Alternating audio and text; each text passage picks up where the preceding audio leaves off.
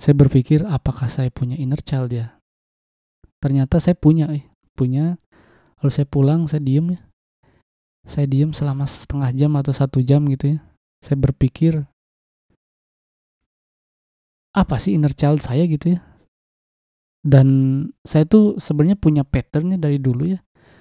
Ketika saya bekerja lalu saya ingin resign saya tuh selalu berharap untuk ditahan gitu ya. Jangan pergilah we need you gitu jangan resign we need you hero gitu saya saya punya harapan tuh kayak gitu orang tuh bilang kayak gitu gitu tapi nggak pernah nggak pernah terjadi eh dan harapan itu memang kalau dipikir-pikir lagi memang menyakitkan gitu ya dan dalam uh, Selamat datang di Bukan Seorang Stoik Podcast.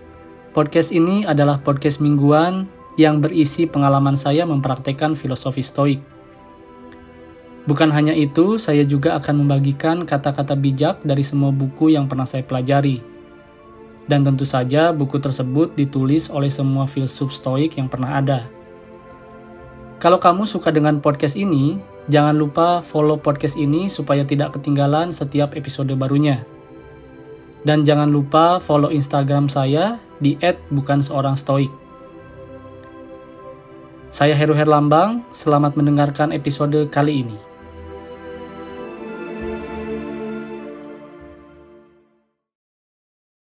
Episode 9 dari Bukan Seorang Stoik Podcast dan ini adalah jurnal suara yang saya buat setiap minggu untuk mengingatkan saya supaya saya bisa berkata tidak terima kasih kepada emosi yang menyita waktu, kegiatan yang tidak berguna, dan orang-orang yang tidak memberikan dampak positif. Minggu ini benar-benar luar biasa bagi saya gitu ya. saya mencoba untuk tidak berpikir dan berkata-kata apa yang akan saya katakan dalam podcast ini dalam pikiran saya gitu. Jadi saya berusaha mengosongkan pikiran saya selama seminggu ini dan tidak membayangkan apa yang harus saya katakan dalam podcast ini gitu ya supaya pas saya tekan tombol rekam saya bisa mengatakan semua yang ingin saya katakan semua yang ingin saya sampaikan mengenai satu minggu kemarin gitu. Nah minggu kemarin itu saya mengalami banyak sekali ujian dan ujian itu tentunya memberikan efek kejut yang luar biasa gitu ya. Ada dua eh, kejadian yang benar-benar menuntut saya untuk eh, menggunakan kemampuan seorang stoik gitu ya. Yang pertama seharusnya itu kemarin saya ada di Los Angeles pergi ke Los Angeles untuk bertemu dengan pengacara saya dan dia bilang udah oke okay, Mas Heru katanya. Berangkat aja beli tiket katanya gitu kan. E, dokumennya udah siap gitu udah ada di kantor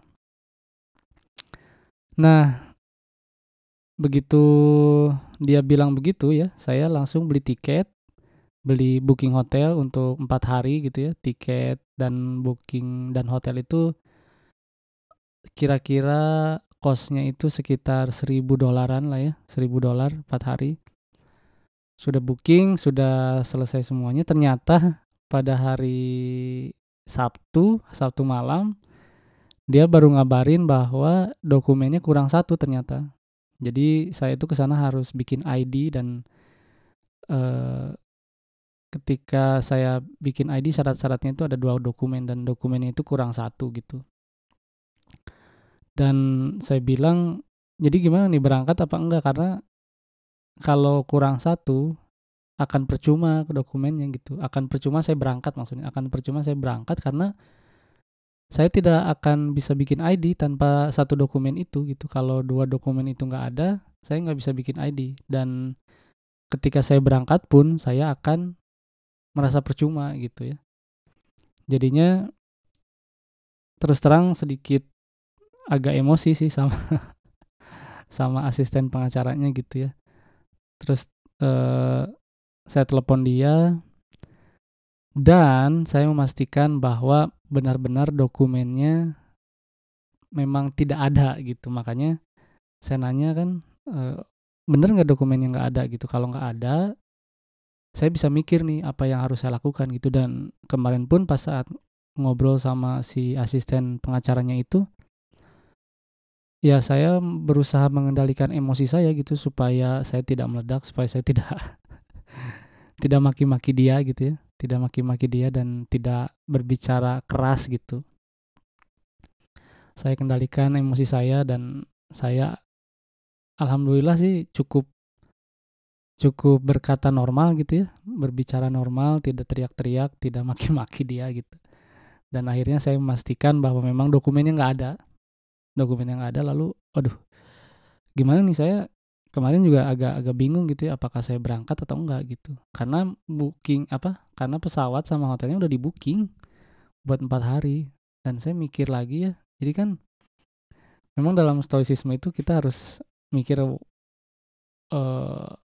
what is in our control sama what is in what is not in our control gitu. What is are up what what are up to us what are not up to us itu jadi apa yang saya bisa kendalikan ya saya pertama mengendalikan emosi saya dulu gitu, mengendalikan emosi saya sedemikian rupa lalu eh, saya bilang kalau misalkan saya berangkat mungkin uang saya sama-sama hilang tapi uang saya tidak akan kembali karena saya tidak akan kerja selama empat hari gitu. Makanya saya bilang aduh saya pikir. Terus ya eh, saya minta pendapat juga teman-teman teman-teman di kerjaan gitu gimana ya. Karena ya kalau misalkan udah stuck nggak apa-apa lah tanya-tanya minta tolong gitu. Cuman eh, kemarin itu memang udah stuck terus gimana? Nanya ya gimana ya? Apakah si pesawat ini bisa di refund atau gimana? Ternyata pesawatnya itu nggak bisa di refund tapi bisa diganti tanggalnya dan bisa diganti juga ininya apa destinasinya gitu jadi saya telepon lah, saya telepon buru-buru sebelum hari H-nya datang gitu, hari Senin kan harusnya saya berangkat. Saya telepon hari Minggu kalau nggak salah hari Minggu malam, telepon eh, apa namanya, telepon pesawatnya. Kemarin saya pakai American Airlines gitu, saya telepon American Airlines. Terus ya ternyata bisa diganti tanggalnya dan destinasinya pun bisa diganti dari ke mananya itu bisa diganti gitu. Asal jangan ganti uh, profil penumpang aja gitu. Nah, akhirnya saya di, akhirnya saya ganti pesawatnya dan akhirnya ya itulah uh, jadi apa yang kita apa yang saya pelajari ya saya bisa mengendalikan apa yang uh, apa keputusan apa yang saya ambil gitu. Jadi saya mengambil keputusan untuk tidak pergi untuk tidak pergi dan tidak jadi cuti, lalu saya tetap bekerja daripada saya hilang uang, maksudnya uangnya kepake buat pergi ke Los Angeles dan waktunya pun terpakai untuk pergi ke Los Angeles gitu ya. Mendingan saya kerja, duitnya bisa dapat balik gitu. dan waktunya juga tidak terbuang di Los Angeles secara percuma gitu. Nah, akhirnya tadi saya lakukan itu itulah keputusan yang saya ambil yang saya pikir itu yang bisa saya kendalikan gitu ya dan memang semuanya udah terkendali gitu ya. Jadi saya tidak jadi pergi ke Los Angeles dan saya ganti tanggal e, berangkat saya ke Los Angeles jadi Desember jadi bulan Desember nanti terus uh, sambil nunggu dokumennya terus hotelnya hotelnya uh, saya coba telepon bisa nggak di cancel di refund atau diganti ininya apa tanggal check innya sama check outnya gitu. Ternyata nggak bisa diganti nggak bisa diganti. Terus uh, dia nanya kenapa nggak jadi check in saya bilang ya ada perubahan ini, ada perubahan apa rencana gitu ya. Terus ya kata dia nggak bisa diganti dan nggak bisa di-refund karena saya bookingnya bukan refundable gitu. Saya juga salah kemarin, eh harusnya saya bookingnya yang refundable tambah berapa dolar gitu, tambah berapa puluh dolar, tapi saya bisa nge-refund gitu ya. Bisa nge-refund, bisa nge-cancel. Mungkin next time uh, saya ya bakal ngebooking refundable hotel gitu ya. Jadi kalau ada apa-apa uh, saya bisa ke, apa uang saya bisa kembali gitu. Ya itulah uh, saya rasa semua kejadian yang ada di sekitar kita dan kejadian yang kita hadapi itu sebenarnya semuanya bukan dalam kendali kita gitu ya. Ketika kita udah tahu ilmunya, ketika kita udah tahu teorinya gitu ya, ketika kita udah tahu the truth gitu istilahnya ya. Ya kita juga bisa menerima semuanya gitu karena ya kejadian yang kita hadapi terus peristiwa-peristiwa di sekitar kita itu bukan dalam kendali kita tapi eh, yang bisa kita kendalikan apalah uh, ap, uh, yang bisa kita kendalikan bagaimana kita bereaksi kepada kejadian-kejadian atau peristiwa-peristiwa tersebut gitu ya. Yang kemarin saya hadapi dan uh, yang kemarin saya hadapi itu ya bukan berada dalam kendali saya gitu karena saya pun tidak tahu kan, saya pun tidak pernah menyangka gitu bahwa kejadian itu akan seperti itu. Tapi yang bisa saya lakukan ya mencoba untuk tenang, mengendalikan emosi dan berpikir dengan jernih gitu ya. Ketika kita tidak marah, lalu kita menarik nafas, lalu kita fokus kepada apa yang bisa kita lakukan ya semuanya terlewati dengan baik-baik saja dan uh, kita bisa menerimanya dengan senang hati gitu ya. Nah, makanya knowledge itu ya penting ya, knowledge itu penting dan dan penerimaan kita, kemauan kita untuk menerima, pena, eh, kemauan kita untuk belajar itu juga itu juga penting saya rasa ya. Saya saya juga bersyukur bahwa saya mendapatkan ilmu yang yang sangat luar biasa ya. Jadi stoicism ini memang memang satu filosofi yang yang apa ya yang yang memberikan kita atau menunjukkan arah yang memberikan saran kita harus ke mana ketika kejadian ini datang, ketika peristiwa ini datang dan uh, apa yang harus kita lakukan gitu. Itu kejadian pertama, peristiwa pertama, lalu peristiwa keduanya ini yang benar-benar menyita emosi saya dan dan apa ya? Jadi ceritanya gini oke okay, uh, eh, saya kan berada di Amerika terus saya berencana memang untuk membawa anak dan istri saya ke sini supaya bisa tinggal bersama di Amerika. Dan e, dari bulan Agustus itu kita udah merencanakan bahwa memang istri dan anak saya akan ke sini. Lalu dari bulan Agustus itu mereka udah e, apa menjadwalkan untuk interview di bulan ini yaitu minggu kemarin gitu ya. E, minggu ini maksudnya minggu ini uh, untuk wawancara di kedutaan Amerika di Manila agar bisa mendapatkan visa untuk datang ke sini gitu ke Amerika. nah, momen itu memang saya sama istri saya sudah sudah menunggu gitu ya, sudah menunggu dan di dalam pikiran saya uh, akhirnya kesempatan ini datang untuk wawancara di kedutaan besar Amerika gitu. Jadi kemarin itu istri saya mulai interviewnya itu wawancaranya itu jam 7 waktu Manila. dan di sini itu sekitar berarti jam jam 6 jam 6 sore waktu Amerika gitu dan saya masih di kerjaan saya komunikasi sebelum mereka berangkat ke kedutaan saya komunikasi terus saya bilang oke okay lah good luck lah whatever happen it happen gitu buat tidak ada yang tidak ada yang bisa kita kendalikan kecuali ya eh, penerimaan kita nanti. Jadi apa pun yang terjadi ya memang harus terjadi dan kita harus menerima semua itu saya bilang ke istri saya gitu ya.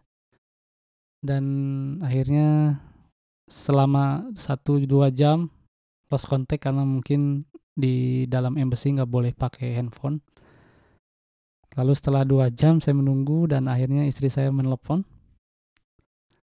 Dan saya nanya how is it? How was the interview? Dan istri saya bilang gagal. Dan seketika mungkin secara ya dengan seketika gitu uh, ekspresi saya berubah mungkin ya istri saya juga ngelihat gitu karena ya terus terang saya sedikit sedikit banyaknya pasti kecewa gitu ya tapi kan kembali lagi gitu saya mengingat lagi bahwa saya sudah melakukan premedit premeditatio malorum sebelumnya gitu ya. Jadi I imagine what the worst thing will come gitu ya. Jadi saya membayangkan hal buruk apa yang akan terjadi nih saya bilang. Iya hal yang buruk itu ya tidak bisa datang ke sini karena pengajuan visanya ditolak gitu dan apa yang harus saya lakukan ya saya harus bisa menerima karena mau bersedih, mau kecewa, mau marah-marah pun ya tidak akan merubah keputusan embassy itu untuk meloloskan istri dan anak saya gitu. Ya, jadi saya, bilang gagal gitu. Mereka tidak meloloskan istri dan anak saya. Mereka itu ya embassy-nya dan saya sedikit kecewa tapi kemarin itu uh, saya move on lumayan cepat karena ya mungkin ya udah tahu ilmunya jadi saya memilih gitu saya memilih untuk tidak memikirkan itu dan saya memilih untuk ya oke okay lah no problem gitu dan istri saya juga uh, setelah itu langsung ngomong ke agensinya. Kata agensinya bisa coba lagi sampai berkali-kali pun nggak masalah gitu ya.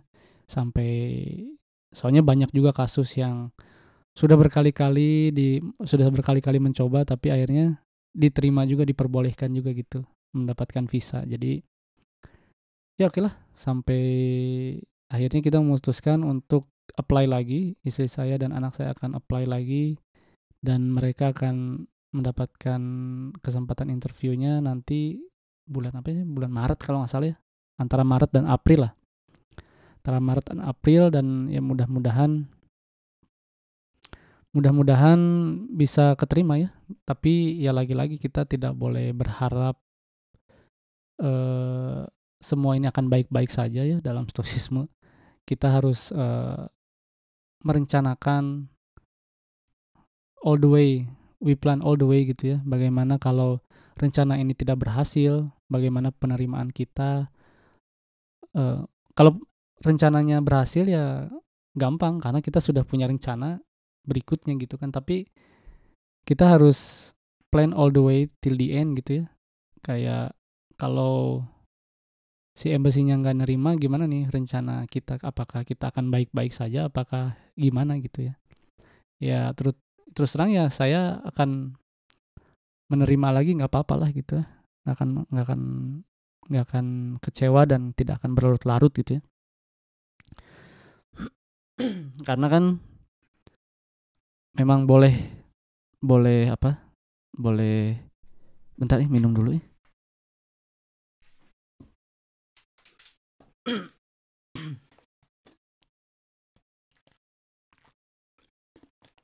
karena kan karena kan boleh apa ngeplay berkali-kali gitu ya uh, unlimited sih kata kata agensinya gitu ya. cuman saya nggak tahu apakah benar unlimited atau enggak gitu Tapi kalau dari Filipina itu eh, banyak cara sebenarnya datang ke sini karena orang-orang Filipina kan banyak banget di Indonesia dan banyak program eh banyak banget di Amerika dan banyak program eh, orang Filipina itu bagaimana caranya untuk kerja ke Amerika gitu. Makanya ini lagi nyari tahu jalan-jalan apa lagi untuk ke sini gitu dan uh, untuk bisa mendapatkan visa ke sini gitu. Supaya istri saya sama anak saya bisa datang gitu. Ya kita lihat nanti aja ya, cuman terus terang saya tidak mau uh, terlalu banyak berharap dan saya juga tidak akan membayangkan hal-hal yang indah dulu gitu ya. Hal-hal yang indah mungkin gampang dilakukan tapi hal-hal yang sulit itu yang yang sulit untuk dilakukan ketika kita tidak punya rencana gitu. Makanya eh, kemarin pun sebenarnya ketika ketika istri saya bilang ditolak gitu ya, rencana yang alternatif lainnya di kepala saya itu muncul muncul muncul banyak sekali gitu tapi saya tidak mau mengungkapkannya gitu ya dan saya juga tidak mau mengungkapkan di sini gitu. Itu biarin aja ada di kepala saya dan dan biarkan saja kepala saya yang yang yang yang mengolahnya dan uh, saya memberi waktu kepada diri saya untuk berpikir untuk mencerna semua rencana itu apakah baik apakah buruk lalu dampaknya seperti apa dan apakah rencana itu layak untuk dilakukan gitu. Ya banyak sekali ya. Jadi uh, memang si stoicism ini sangat make sense ya dalam hidup kita gitu ya. Apalagi memang di era ya sebenarnya kan memang ceritanya itu si stoicism ini di, ditemukan oleh si Zeno ini lebih dari 2000 tahun yang lalu gitu dan Zeno ini kan juga kehilangan semua harta dan barang jualannya gitu di tengah laut sehingga mungkin dia juga berpikir bagaimana caranya untuk menjadi bijak seperti orang-orang bijak di Athena gitu. Di Yunani.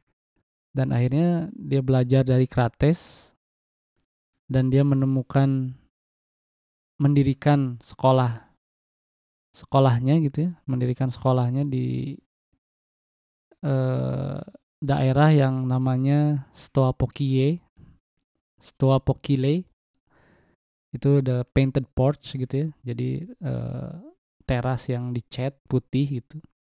Nggak tahu putih nggak tahu enggak pokoknya yang uh, teras yang dicat gitu nama nama arti dari Stoa Pokile itu akhirnya dia mendapatkan murid-muridnya dan mengajarkan bahwa di dunia ini ada dua hal yang satu hal yang bisa kita kendalikan, satu yang tidak bisa kita kendalikan. Gitu. Jadi ya bagi kamu yang sedang mempraktekkan stoicism, ya harus sering-sering berlatih ya, berlatihnya dengan ketika ada peristiwa yang kamu hadapi ya gunakan si dua hal itu dikotomi kendali itu. Jadi mana yang dalam kendali kamu, mana yang harus kamu kendalikan, yang bisa kamu kendalikan gitu. Uh, maksudnya mana yang ada di luar kendali kamu, bener gak sih tadi saya ngomong? ya pokoknya uh, harus pakai dikotomi kendali itu mana yang ada peristiwa apa yang ada di luar kendali kamu dan apa yang bisa kamu lakukan yang berada di dalam kendali kamu sepenuhnya gitu. Gitu ya. Terus uh, ketika istri saya mengabarkan saya ditolak ya saya berpikir waduh berarti bakal lama lagi saya ketemu dengan anak istri nih yang saya khawatirkan sebenarnya anak saya saya uh, terus terang rindu sekali kepada anak saya. Ya saya juga rindu kepada istri tetapi mungkin bagi kamu yang menjadi bapak gitu ya kerinduan seorang bapak kepada anak itu lebih lebih lebih dalam gitu ya daripada kepada istrinya gitu. Uh, dan kemarin itu saya juga membaca saya lagi membaca buku ketiga nyarian holiday yang judulnya Stillness is the Key Terus ada bagian yang berjudul inner child.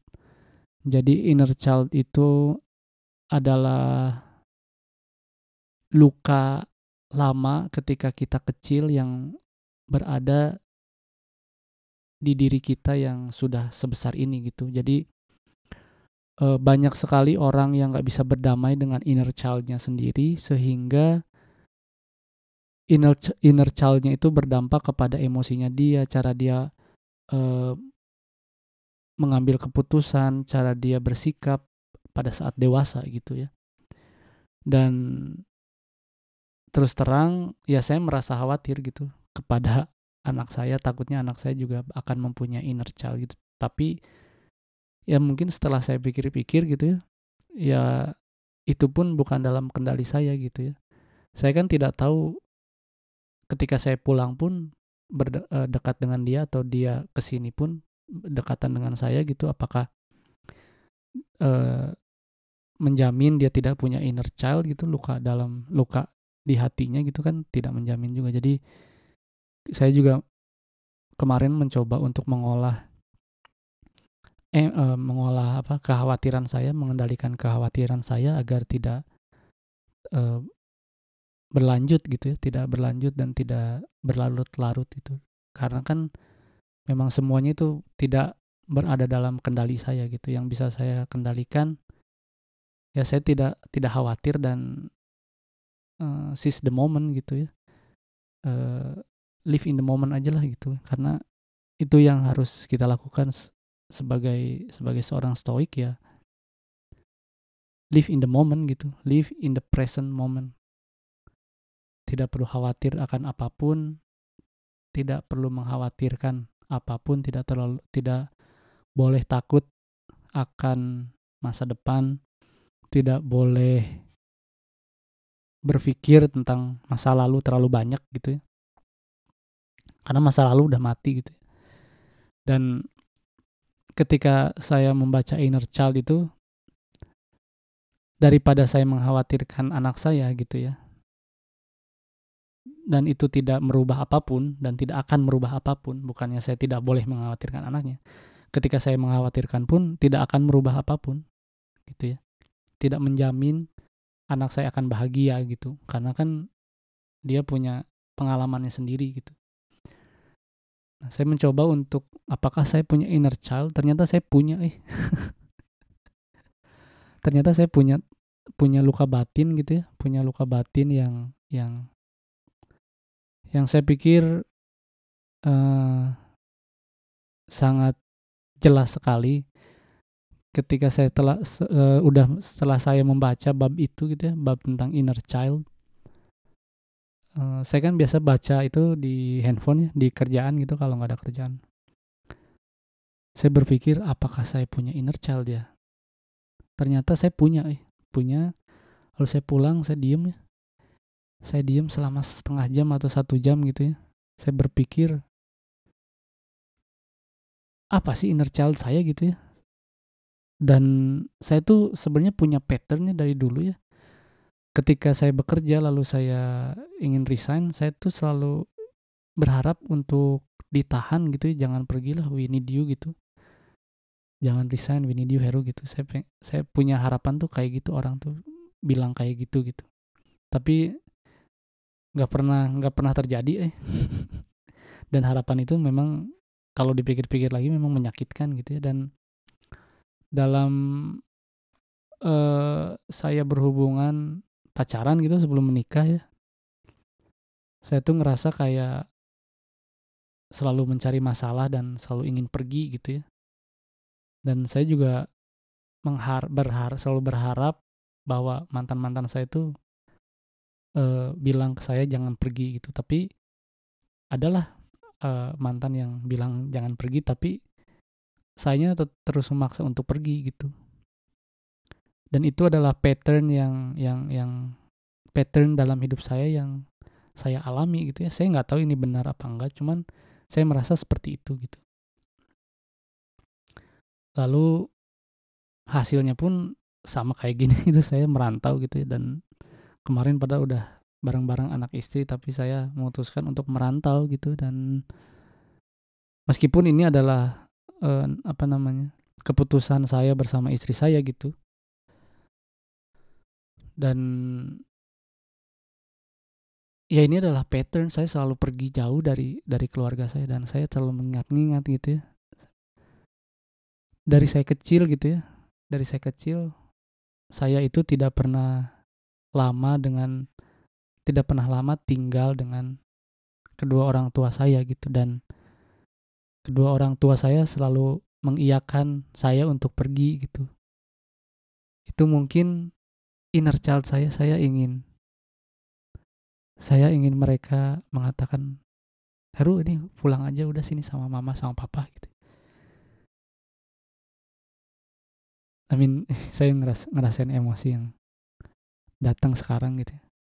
itu mungkin inner child saya gitu ya dan saya mengingat lagi kemarin saya dari kecil gitu dari sejak dilahirkan ya mungkin di sama ibu sama anak sama bapak saya terus setelah udah umur setahun dua tahun saya diambil sama nenek saya.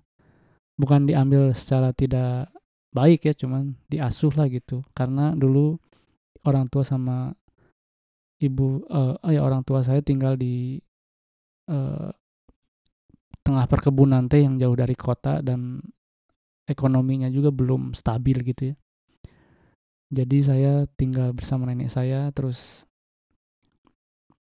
TK saya bersama sampai TK kalau nggak salah TK kan dua tahun sama ibu sama ayah saya saya tinggal sama kedua orang tua saya. Terus SD kelas 1 saya diasuh lagi sama nenek saya sama kakek saya. Terus uh, sampai kelas berapa ya? Kelas 3 kalau nggak salah orang tua saya pindah ke Bandung dan akhirnya saya juga uh, tinggal lagi sama orang tua saya terus uh, di Bandung tuh berapa lama ya? Setahun apa dua tahun gitu. Ya pokoknya setahun dua tahun terus orang tua saya membeli rumah di luar kota lagi. Membeli rumah di luar kota terus akhirnya saya juga memutuskan untuk uh, tinggal bersama tante saya gitu jadi nggak pindah SD lah masih di komplek itu masih di komplek perumahan itu dan uh, saya tinggal bersama tante saya Nah, di situ juga mungkin ada perasaan saya harusnya orang tua saya harusnya bilang ke saya udah sama mama sama papa aja gitu. Tapi itu tidak terjadi gitu. Mungkin itu yang yang yang inner child saya di situ juga ya. Mungkin terus uh, akhirnya saya nggak betah sama tante saya. Terus uh, saya minta sa saya minta mereka jemput saya gitu dan akhirnya lim, kelas 5 sama kelas 6 saya bersama orang tua saya tinggal saya tinggal bersama orang tua dan adik-adik saya terus eh, SMP saya lagi yang memutuskan bahwa saya ingin eh, bersekolah di Buah Batu di SMP 28 bersama nenek saya saya ingin tinggal bersama nenek saya dan selalu saja orang tua saya mengiyakan itu gitu ya. Jadi ya udah nggak apa-apa gitu mengiyakan itu. Saya nggak tahu apa alasannya, cuman mungkin uh, jiwa kecil saya itu jiwa kecil saya itu ingin saya ditahan gitu sama orang tua saya gitu. Terus saya tiga tahun bersama uh, bersama nenek dan kakek saya, lalu kelas 1 SMA uh, orang tua saya pindah ke Bandung karena diberi rumah dinas. Terus uh, akhirnya kela uh, kelas 1 saya pindah bersama tinggal bersama orang tua saya selama tiga tahun selama SMA gitu. Terus setelah SMA uh, akhirnya saya pun memutuskan uh, untuk berkuliah. Nah, kebetulan pas saya masuk bangku kuliah itu eh orang tua saya dapat tugas lagi keluar kota gitu keluar kota Bandung. Dan ya mungkin secara tidak sadar ya saya merasa sedih gitu di situ. Cuman waktu itu sih saya nggak apa-apa cuman mungkin ada merasa luka juga ya karena itu patternnya tuh itu selalu begitu gitu jadi bersama orang tua bersama nenek bersama orang tua bersama nenek bersama orang tua dan akhirnya kuliah. Saya tinggal sendiri ngekos. Ngekos sendiri tinggal sendiri mandiri gitu. Dan seminggu sekali saya pergi pulang ke rumah orang tua saya yang baru yang maksudnya rumahnya yang baru ya bukan orang tuanya yang baru. Rumahnya yang baru di luar kota gitu di Cianjur waktu itu. Seminggu sekali saya pulang dan dan akhirnya setelah lulus kuliah uh, saya bekerja pergi ke Dubai dan sampai sekarang lah gitu. Saya berpikir uh, saya tuh selalu rindu yang namanya rumah gitu ya.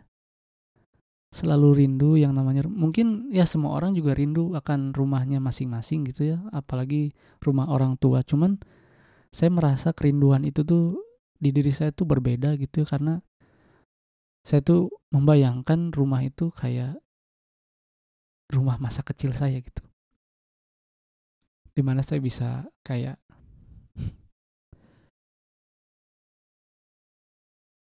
ya nggak tahu ya. Saya sih di sini saya mulai mulai nggak kuat itu ya, ngomongin ini. Cuman uh, saya tuh ngerasa kayak bayangan saya tuh pulang tuh kayak saya nonton TV gitu ya atau main video game terus ibu saya manggil saya untuk makan gitu ya terus untuk marahin jangan nonton terus gitu ya jangan main game terus gitu. Itu yang ada di ada di dalam pikiran saya sekarang gitu ya. Dan maksudnya sekarang itu dalam diri saya yang sudah besar ini gitu. Dan saya menyadari bahwa itu adalah luka saya mungkin ya yang yang harus saya obati sendiri, yang harus saya sembuhkan sendiri dan yang harus saya drop sendiri gitu. Maksudnya lupakan gitu ya.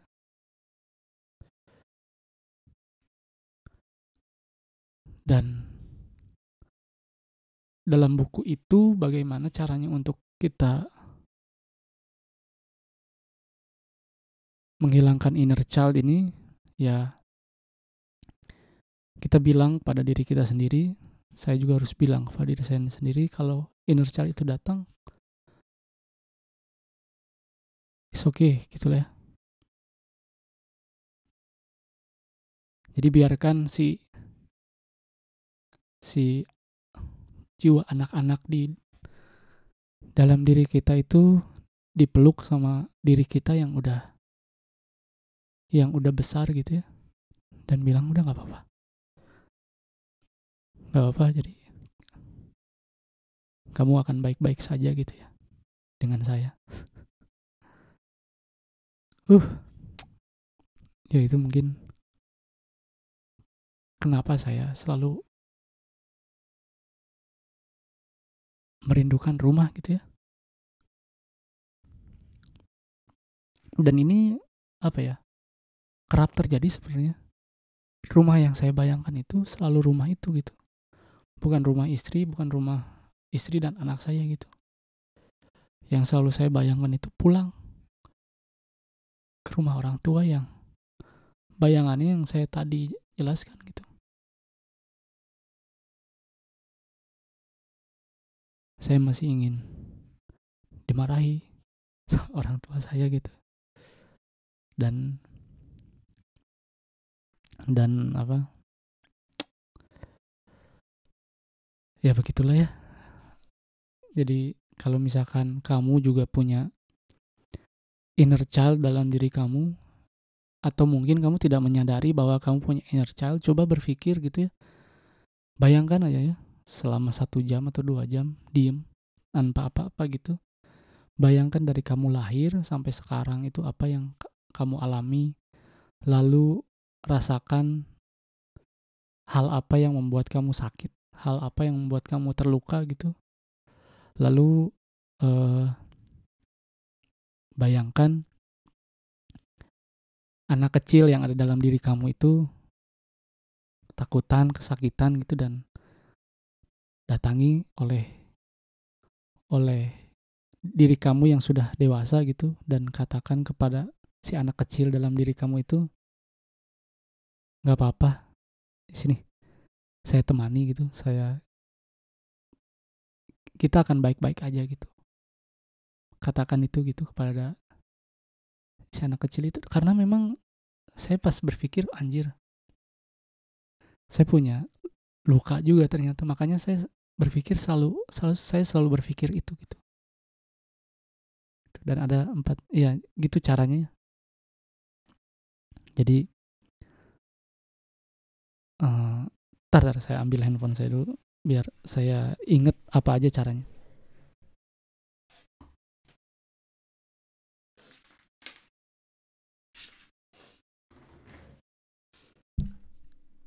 ya jadi uh, jadi di sini ada empat langkah ya yang yang harus kita lakukan kepada inner child kita gitu. Uh, give more give what you didn't get love more drop the old story gitu ya. Jadi saya di sini mencoba menerjemahkan ya. Jadi kasih lebih gitu ya kepada inner child kita.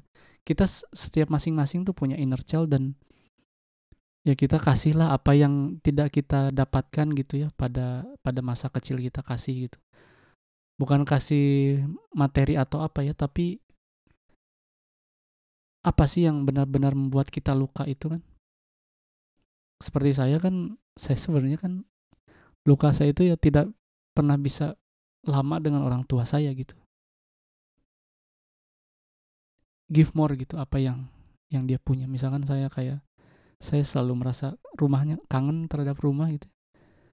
Dan suasana rumah yang selalu saya bayangkan itu ya suasana rumah yang masa kecil gitu ya. Yang tadi saya bilang kayak main game nonton TV kelamaan dimarahin terus disuruh makan sama ibu saya gitu. Itu yang saya rasakan gitu. Dan dan dan give more gitu ya give more. Tadi itu yang yang yang yang tidak bisa kita dapatkan. Dan give what you didn't get gitu sama jadi kasih si anak kecil itu dalam diri kamu itu yang sama sama kamu yang dewasa ini gitu yang kasih tahu aja bahwa nih gitu perhatian yang kamu butuhkan gitu ya love more, cintai dengan lebih, drop the old, drop the old story. Jadi udahlah bu, cerita itu saya juga lagi berusaha untuk membuang cerita itu, membuang keinginan itu gitu, membuang hayalan halayan halayan halayan hayalan hayalan itu gitu. Dan terakhir di sini satu-satunya selama saya baca buku Rian Holiday, dia bilang try it if you can. Try it if you can. Mungkin saya akan coba ketika mungkin ini adalah masalah serius ya. Ketika kemarin saya udah baca ego dan ego saya sudah sudah bisa pelan-pelan untuk saya kendalikan. Tapi saya rasa ini adalah hal yang serius, hal yang serius yang tidak bisa saya tidak bisa saya pecahkan sendiri gitu. Makanya mungkin si Rian Holiday ini try if you can. Try it if you can. Itu satu-satunya bab dari tiga buku yang dia tulis. Dia menulis if you can. Try it if you can. Dan mungkin saya akan akan pergi ke terapis mungkin. Kalau satu bulan dua bulan ini saya nggak bisa berdamai dengan inner child saya gitu. Saya tidak bisa memeluk inner child saya dan tidak saya tidak bisa menenangkan inner child saya saya akan pergi ke terapis mungkin. Biar bisa selesai gitu ya. Dan saya tidak menyalahkan orang tua saya gitu cuman saya sayang sama orang tua saya cuman kan itu yang mengganggu hidup saya gitu. Luka-luka itu yang mengganggu hidup saya gitu dan Leonardo da Vinci itu memiliki perasaan itu dalam buku ini ya dalam buku mungkin kamu yang tahu tentang Leonardo da Vinci e, karya-karyanya itu di latar belakangi oleh rasa sakitnya dia atas ketidakpedulian ayahnya dan keluarganya gitu. Ya minggu minggu ini memang cukup menguras energi bagi saya ya. Menguras energi tapi ketika kita udah tahu ilmunya ya, ketika saya udah tahu ilmunya tuh kayak energi itu kayak unlimited gitu karena kita bisa mengendalikannya kapan harus keluar, kapan kapan harus tidak keluar gitu dan kebanyakan kita mengendalikannya agar tidak keluar gitu. Jadi energi itu masih terpreserve dalam diri kita, dalam pikiran kita, jadi kita tidak terlalu capek gitu ya. Dan ini adalah episode yang juga bagi saya menguras energi karena saya merasa sedih ketika menceritakan tentang inner child saya gitu dan memang itu yang saya rasakan gitu ya. Itu yang saya rasakan dan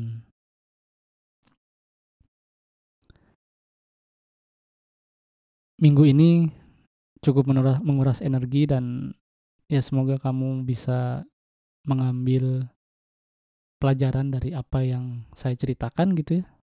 Dan jika kamu punya inner child coba kamu pikir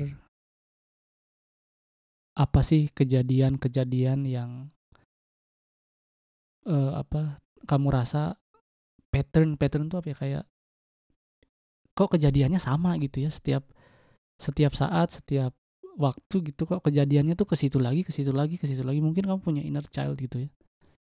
Punya inner child. Jadi ada satu cerita nih. Jadi si di cerita di Amerika jadi saya lupa namanya. Uh, di buku ini juga namanya uh, ada satu pemain baseball. Dia itu pitcher seorang pitcher itu. Pitcher itu yang ngelempar bola. Pitcher terus si dia itu dalam timnya itu bagus lah pokoknya. Bagus dipakai dan pemain uh, starter gitu pemain utama. Suatu hari dia nggak bisa ngelempar bola dengan baik cuy. Nggak bisa ngelempar bola dengan baik dan ternyata setelah itu eh, orang-orang tahu bahwa sebelum pertandingan itu tuh selama seminggu dia di ada di pengadilan dari ayah dan kakaknya yang drug dealer.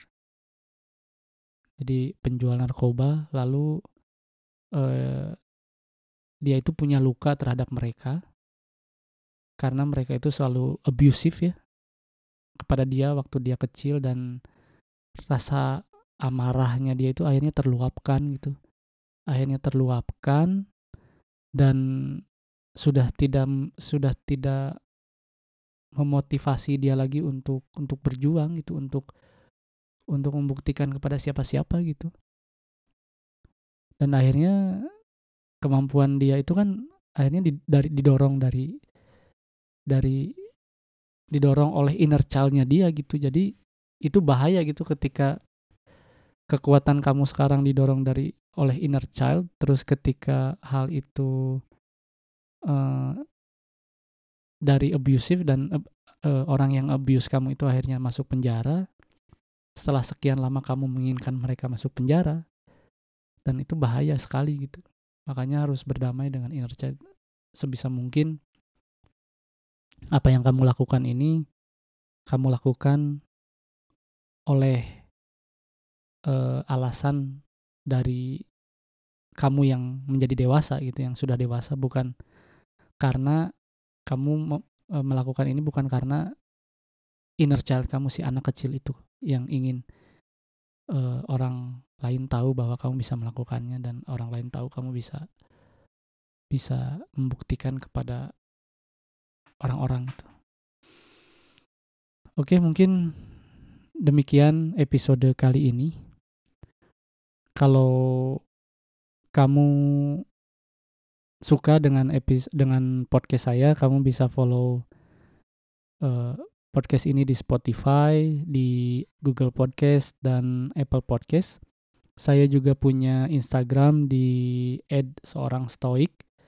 Kamu bisa follow saya di Instagram dan saya juga punya YouTube channel. Kamu bisa subscribe yang namanya juga sama, bukan seorang stoik. Terima kasih telah mendengarkan episode kali ini dan sampai jumpa di episode berikutnya. Terima kasih.